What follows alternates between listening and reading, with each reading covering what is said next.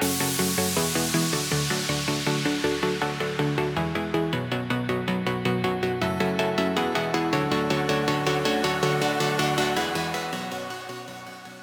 semuanya, ketemu lagi sama gue Aditya Hadi alias Kutu Baca Buku.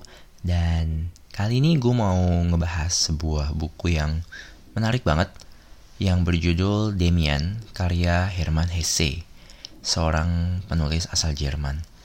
Dan di episode kali ini gue didukung oleh penerbit Semikolon atau Semikolon Publisher Dan kalau kalian mau beli bukunya bisa langsung buka toko buku online Ayakawa Books langsung aja kunjungi akun Instagram mereka Ayakawa Books AIA Kawa Books.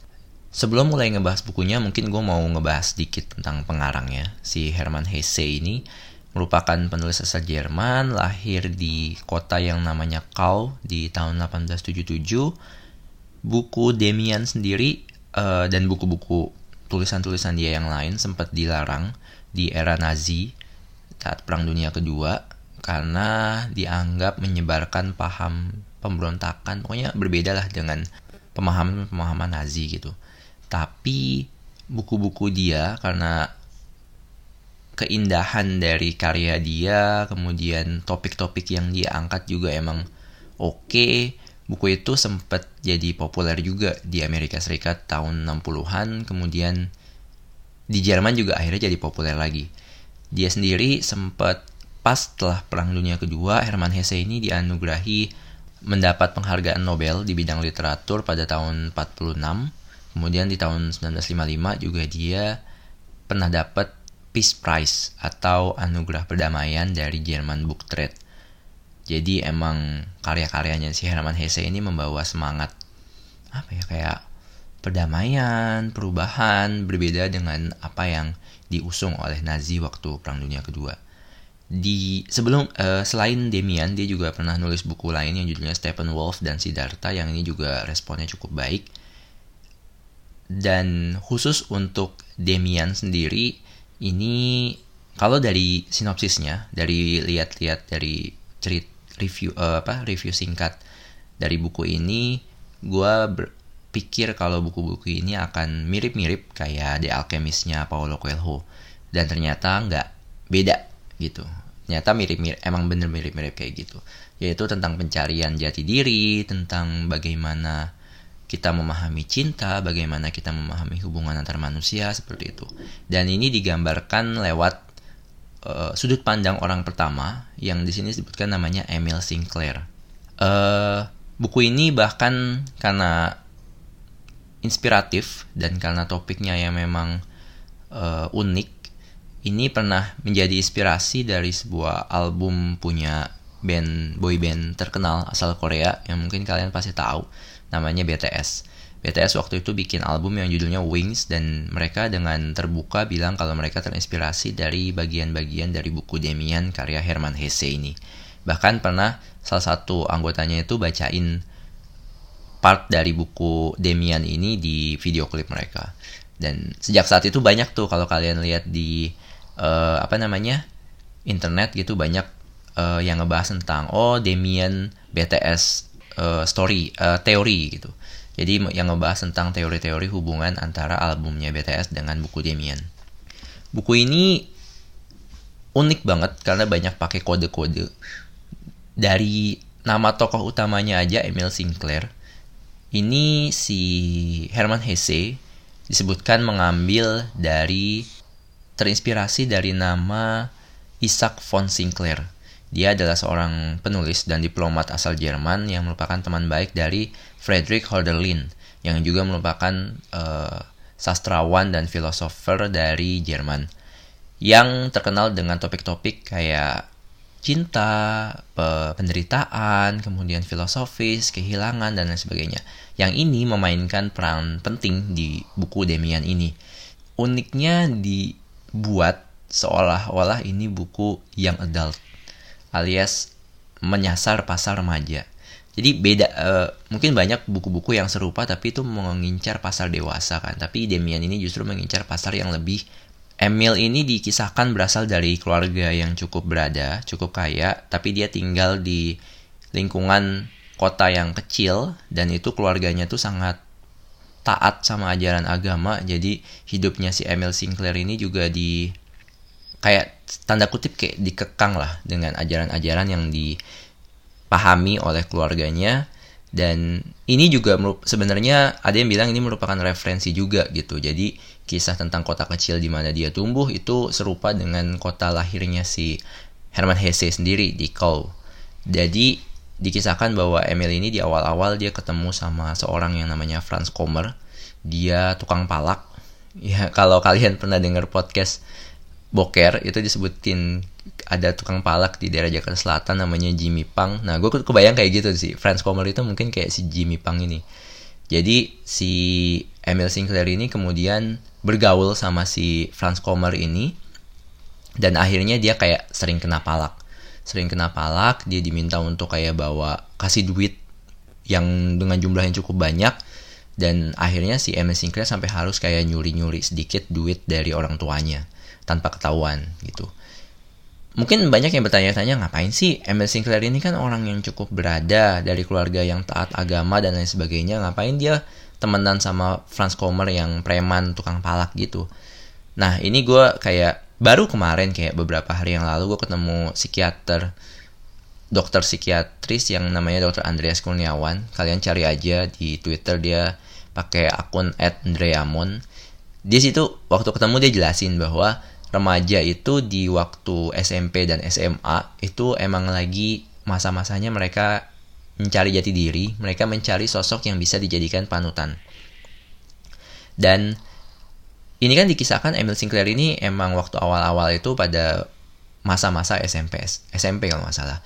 Nah, itu emang dia wajar gitu kalau dia emang lagi nyari-nyari siapa orang yang bisa dia jadikan panutan dan mungkin dia ngelihat wah ini kayaknya Franz Kommer ini walaupun dia preman walaupun apa ini keren.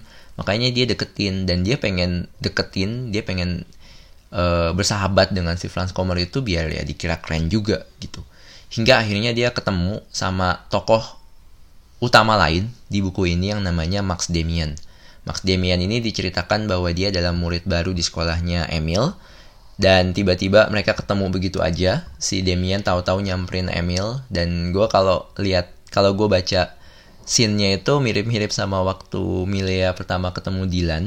Jadi bener-bener ketika jalan pulang atau berangkat sekolah kemudian ditepuk hey halo kenalan dong gini gini pokoknya kayak kayak kayak aneh sih. Tapi kemudian nanti diceritakan bahwa Demian emang sengaja nyapa Emil karena dia melihat sesuatu yang berbeda di wajah dan dirawat aura dari si Emil Sinclair ini.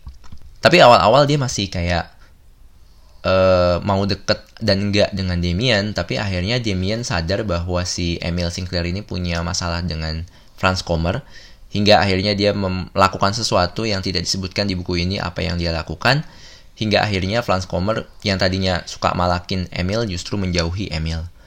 Emil kaget, tapi dia tahu kalau ini kerjaannya Demian, dan kemudian dia bersahabat dengan Demian. Tapi di situ muncullah Demian ini mulai kayak menceritakan, menanamkan hal-hal yang mungkin menurut Emil sendiri sedikit berbeda, sedikit revolusioner. Contohnya adalah kan ada cerita soal Kain dan Hebel. Kalau di Islam itu disebutkan dengan istilah uh, Kobil dan Hab, uh, Habil.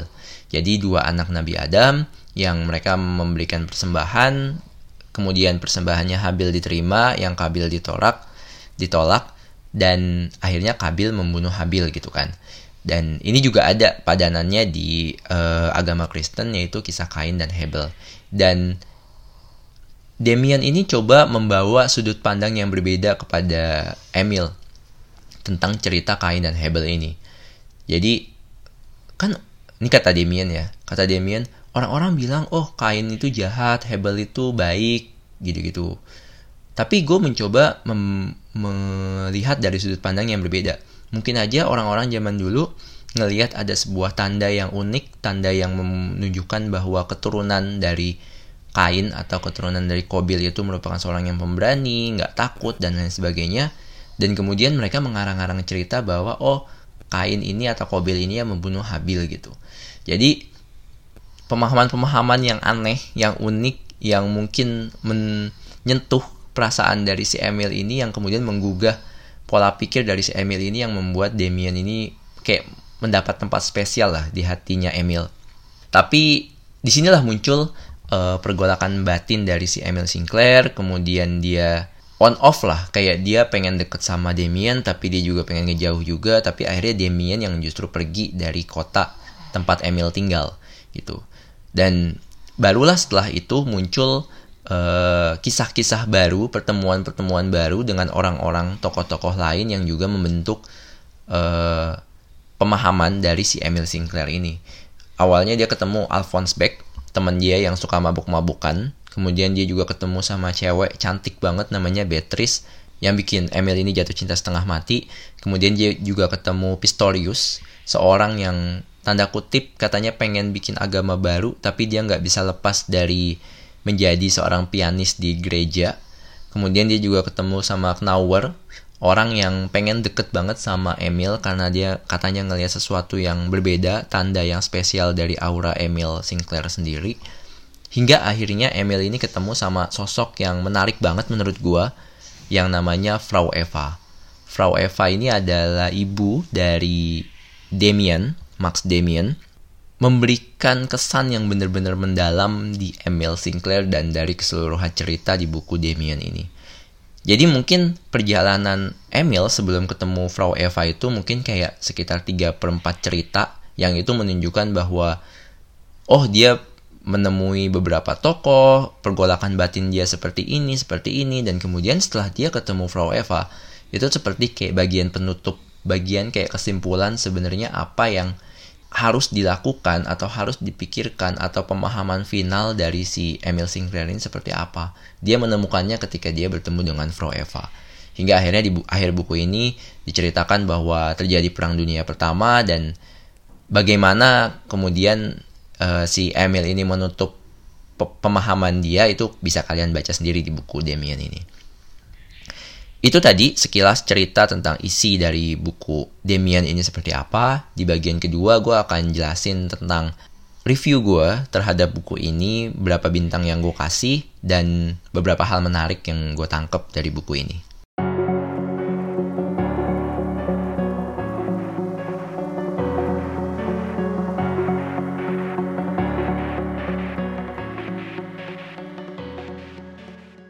Ya, untuk buku Damien karya Herman Hesse ini gue bisa kasih 4 dari 5 bintang. Buku ini bagus banget, buku ini oke okay banget buat kalian baca. Uh, ini bukan kayak novel ya, ini bukan cerita kayak novel yang ada konflik naik turun dan lain sebagainya. Emang ada seperti itu, tapi semuanya dibalut dengan kayak simbol-simbol, alegori, yang ini menunjukkan kayak lebih mengajak kepada diri kita untuk memahami diri kita sendiri gitu sih kalau yang gue tangkep. Inilah kenapa buku ini juga terkenal di luar Jerman karena buku ini tuh bener-bener sangat spiritual dan pesannya itu nggak khusus ke orang Kristen doang, nggak khusus ke orang Islam doang atau ke golongan tertentu, tapi lebih umum. Makanya orang-orang itu yang baca suka dapat pemahaman-pemahaman sendiri yang berbeda, yang unik setelah dia setelah mereka baca buku ini gitu. Itulah kenapa yang bikin buku ini jadi cukup terkenal, terutama di luar Jerman. Dan banyak yang menyebutkan bahwa kalau yang suka psikologi, psikoanalisis pasti tahu tokoh yang namanya Carl Jung gitu. Carl Jung ya disebutnya. Nah, buku ini juga banyak terpengaruh dari situ gitu. Bahkan ada yang bilang kalau Damien ini, karya Hermann Hesse ini merupakan penjelasan psikoanalisis tapi dalam karya sastra. Itulah yang bikin buku ini menarik dan indah banget sih menurut gue. Emang gue akuin sih bukunya kata-katanya tuh indah banget makanya gue thanks banget sama penerjemahnya. Kan gue baca terjemahan bahasa Indonesia ya yang diterbitkan sama penerbit uh, semikolon. Ini diterjemahkan oleh Diandra Rizky Utami. Menurut gue terjemahannya oke okay banget. Karena buku ini kayak kayak buku puisi kali ya. Jadi terjemahannya tuh bener-bener mesti beda gitu dibanding kita nerjemahin buku fiksi biasa. Mungkin kalau dibandingin sama buku-buku lain uh, eh, gue bisa kalau kalian hidup kan kita awalnya kecil kemudian remaja kemudian dewasa ya. Di setiap masa itu akhirnya gue kayak menemukan setiap semua buku yang tepat kalau kita pengen cari buku penemuan jati diri gitu. Mungkin untuk kalau yang masih anak-anak kita bisa baca bukunya The Little Prince karya Antoine de Saint-Exupéry. Gue nggak tahu ya ini masuk karya anak-anak sih tapi mungkin bahasanya emang pembahasan di situ emang mungkin sedikit lebih berat sih. Cuman masih lah masuk buku ini anak-anak gitu. Jadi bu kalau kita masih anak-anak mungkin kita bisa baca buku The Little Prince. Kemudian ketika kita remaja kita bisa baca bukunya Damien karya Herman Hesse ini dan mungkin ketika kita dewasa kita bisa baca bukunya The Alchemist karya Paulo Coelho. Itu kayak serangkaian buku yang sama-sama bagus dan sama-sama membahas tentang penemuan jati diri. Jadi bisa udah lengkap lah gitu. Makanya gue bingung kenapa buku Damien ini nggak nggak rame dibicarakan sebelumnya di Indonesia. Gue tahu kayaknya ada beberapa penerbit yang udah nerjemahin tapi mungkin Eh, nggak uh, terlalu resmi terjemahannya. Jadi mungkin dari sisi marketing juga nggak terlalu gede-gedean. Jadi mungkin orang Indonesia nggak banyak yang tahu buku Demian ini gitu. Tapi faktanya kayak BTS aja tahu gitu buku Demian. Jadi mungkin di luar negeri emang udah cukup populer buku ini. Pokoknya pas lah buku ini terutama untuk para remaja ya yang lagi pengen memandang diri kita sendiri memandang hidup dan memandang orang lain dan lain sebagainya. Selain itu gue juga ada beberapa kesimpulan ada beberapa pemahaman yang gue dapat dari buku ini. Ada tiga pemahaman besar. Yang pertama adalah pemahaman tentang cinta. Yang kedua pemahaman tentang mengenal diri sendiri. Dan ketiga adalah tentang tentang pemahaman tentang menjadi manusia. Yang pertama pemahaman tentang cinta.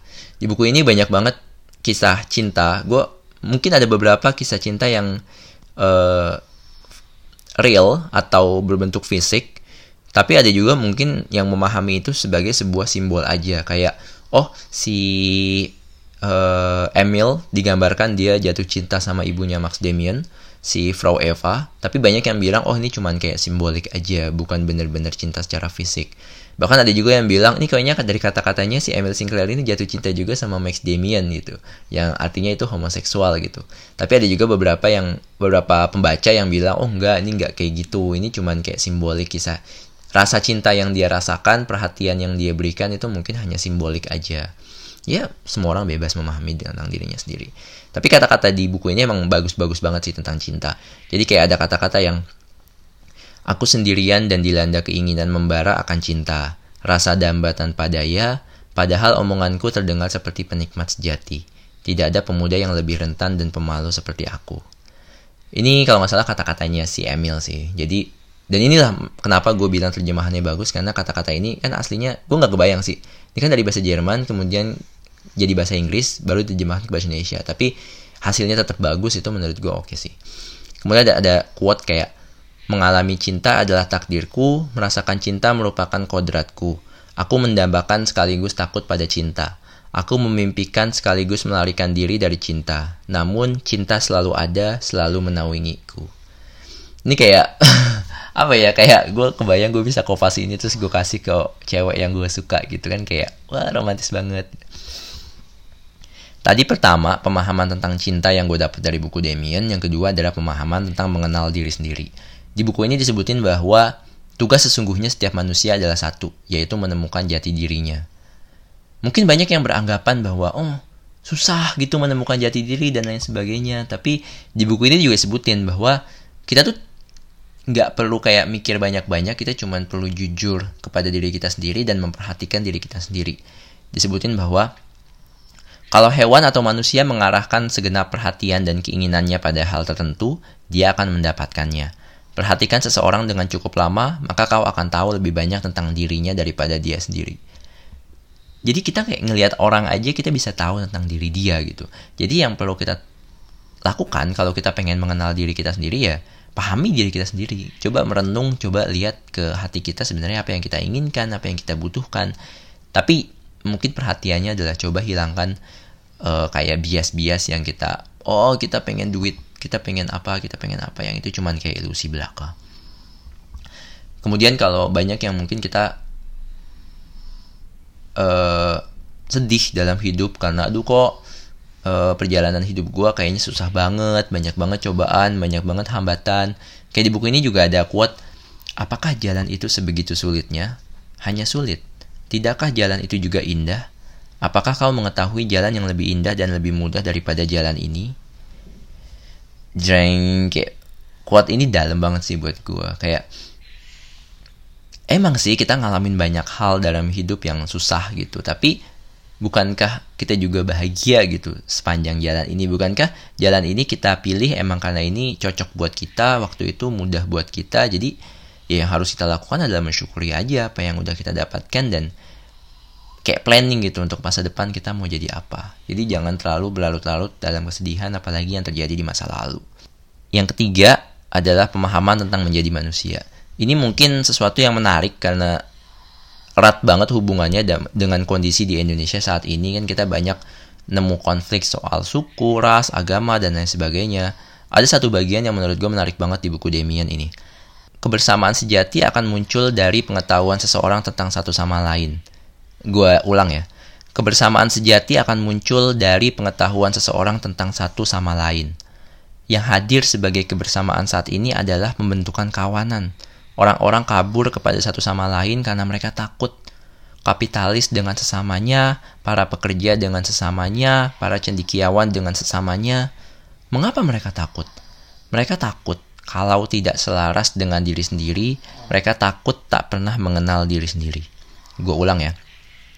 Mereka takut kalau tidak selaras dengan diri sendiri, mereka takut tak pernah mengenal diri sendiri. Ini oke okay banget sih menurut gue. Ini menjelaskan banget kenapa sekarang orang tuh kayak berkelompok-kelompok. Oh gue suku ini, oh gue orang yang punya privilege, oh gue orang yang kaya, gue orang yang miskin gitu-gitu.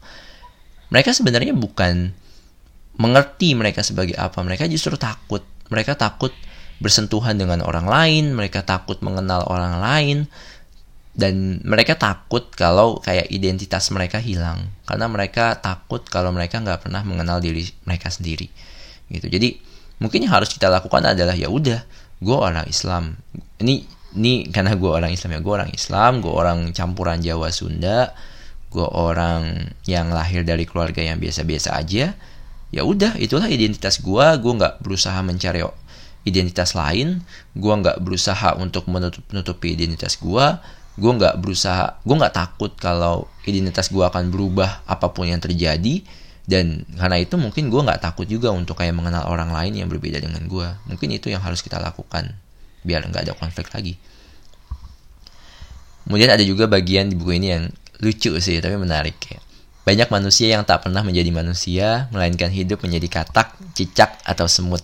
Banyak yang rupa atasnya manusia dan bawahnya ikan ini kayak manusia ikan kali ya. Enggak sih tapi menurut gue ini analogi yang menarik. Kita suka berupaya untuk menjadi, orang lain tapi kita lupa sebenarnya kita tuh manusia. Ya udah jadi manusia aja. Nggak perlu jadi kayak tokoh lain atau orang lain dan lain sebagainya yang beda dengan kita gitu. I think that's all for now. Kalau kalian mau saranin buku apa yang mesti gue bahas yang mirip dengan Demian karya Herman Hesse ini atau buku lain bisa aja langsung hubungi gue di Instagram at uh, di Twitter at podcast buku atau kunjungi juga YouTube gue di bit.ly slash buku kutu. Kalau kalian mau beli buku ini langsung aja kunjungi uh, toko buku online Ayakawa Books bisa kalian kunjungi di Instagram at Ayakawa Books A I A Kawa Books dan episode ini thank you banget udah didukung oleh penerbit semikolon atau semikolon publisher.